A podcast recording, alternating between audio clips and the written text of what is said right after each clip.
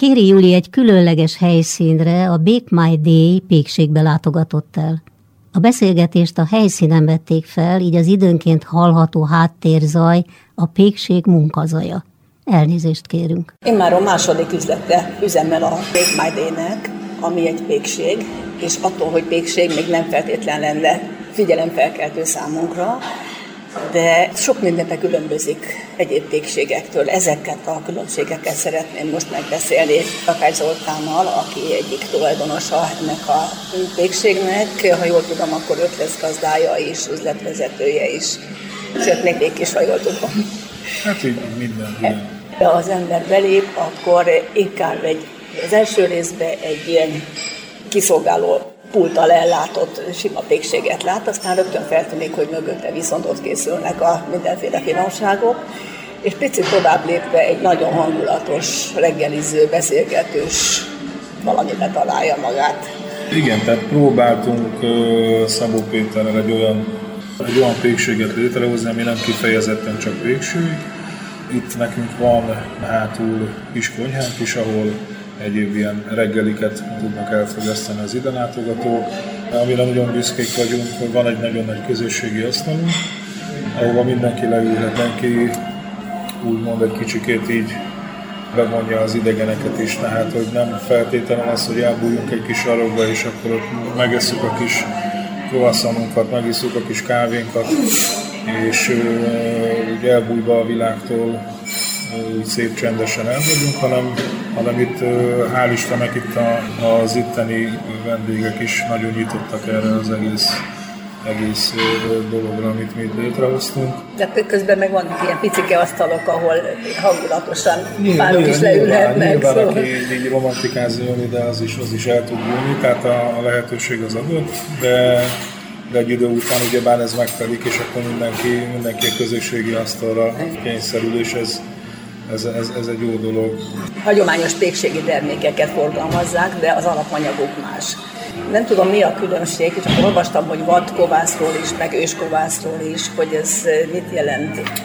Igen, tehát a köztudatban, a, tehát hogyha én csak azt mondanám, hogy egy kovászos pékség vagyok, akkor a köztudatban a kovász az úgy szerepel, nem mindenkinél, de, de a többségen úgy szerepel, hogy liszt, víz és élesztő.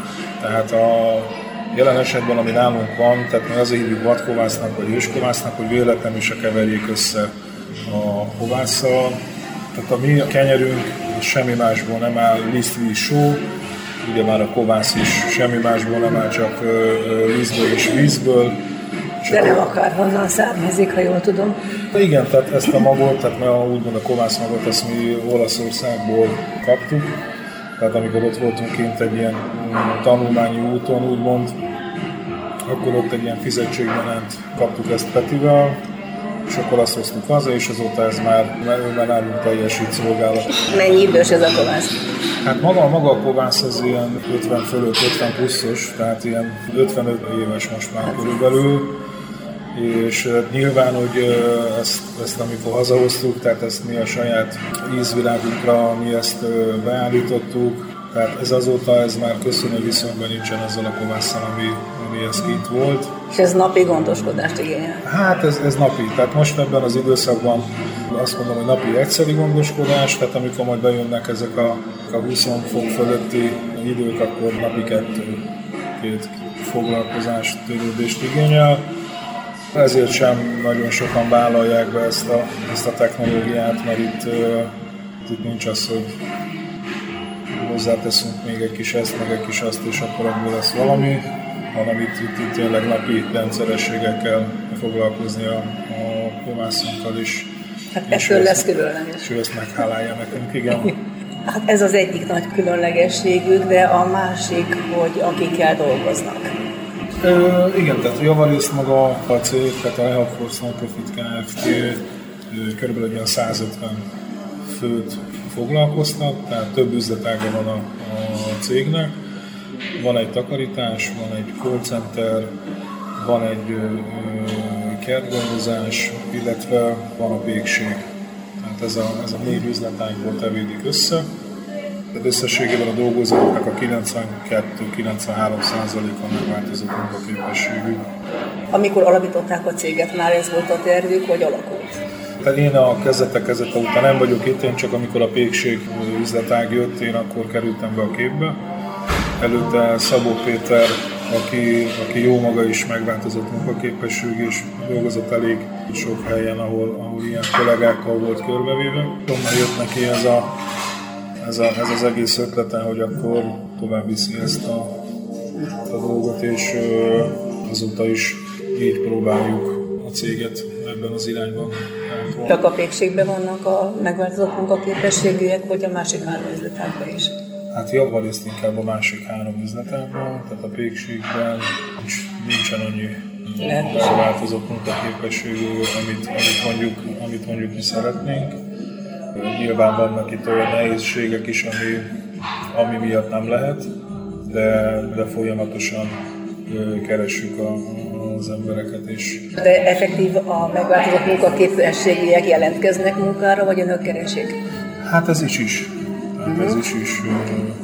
És van átjárhatóság az üzletágak között, tehát valaki mondjuk jelentkezik a végségbe, ott nincs alkalmas munka, akkor van Hát meg, meg, megpróbáljuk személyre szabni a munka lehetőséget. Tehát hiába jön ide hozzánk egy olyan, olyan nagyon lelkes kollega, aki minden áron a pékségben akar dolgozni, hogyha látjuk rajta azt, hogy, hogy nem, nem engednénk oda, mert egyéb, egyéb olyan problémái vannak neki, ami ezt nem tenné lehetővé, akkor utána keresünk neki egy másik pozíciót. Meg, Tehát nem elutasítják? Nem, nem, semmiféleképpen nem. nem, nem, nem. Tehát minden, minden egyes szegmensben megpróbálunk lehetőséget biztosítani a, a nálunk jelentkezőknek. És a kollégák hogyan viszonyulnak hozzá, illetve a vásárlók? Tehát itt a 12. kerületben, itt a Beszörményúton, itt, itt, itt nagyon pozitív a, a visszajelzés. A 11. kerületben ott egy, ott egy sajtócikk után tudták meg az ott, ott, ott lakók és az ott vásárlók, hogy mi javarészt megváltozott munkaképességűekkel foglalkozunk, nem reklámoztuk, nem, tehát piaci alapon vettünk részt a versenyben, tehát nem voltunk megkülönböztetve senkitől, úgyhogy, úgyhogy ez csak egy véletlen folytán derült ki, hogy mi, hogy mi valójában kik is vagyunk. Nem akartunk mi ezzel kérkedni, meg bármiféle előtt szerezni. Így alakult. És a kollégák? Hát teljesen más hozzáállást, odafigyelést, törődést igényelnek mondjuk, mint egy ilyen kollega. Bár mondjuk én azt szoktam mondani, hogy kétféle ember létezik, tehát egy, akinek alul a papírja, egy, akinek nincs. Megváltozott munkaképességű, de voltak éppen nagyobb figyelmet igényelnek. Ja, hát ezt nyilván bevállalja, aki idejött már eleve, vagy Nyilván, tehát az itt, itt, itt dolgozó épp kollégák tudják azt, hogy kivel dolgoznak, tudják azt, hogy milyen problémája van esetlegesen, tudják azt, hogyha, hogyha valami probléma adódik, akkor milyen, milyen ö, ö, lehetőségei vannak neki, hogy segítsen. Tehát hogy van egy mentor, aki foglalkozik a megváltozott munkaképességű kollégákkal, és ö, hát a jelenlét az, ami nagyon, nagyon fontos. Hogy lássuk mi is azt, hogy, hogy hol az a hely, mi az a, mi az a munka feladat, mi az a pozíció, amiben, amiben jól érzi magát a, Mindkét fél működést kapjon a Az a legfontosabb. Hát ez így látszik is, mert amíg így tőle vártam, szóval nehéz volt megkülönböztetni, hogy ki az, aki esetleg az egyik csoportban vagy a másikba tartozik. Ö, igen, igen.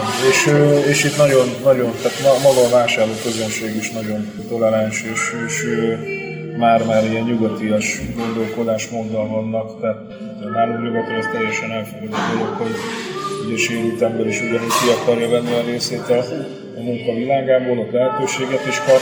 Tehát még, még itthon vagyunk ilyen, ilyen gyerekcipőben ezzel, ezzel kapcsolatban. Hát nagyon remélem, hogy nem sokáig lesznek úttörők, és, és további nagyon harmonikus együttműködést kívánok. Köszönöm a beszélgetést a Zoltánnak.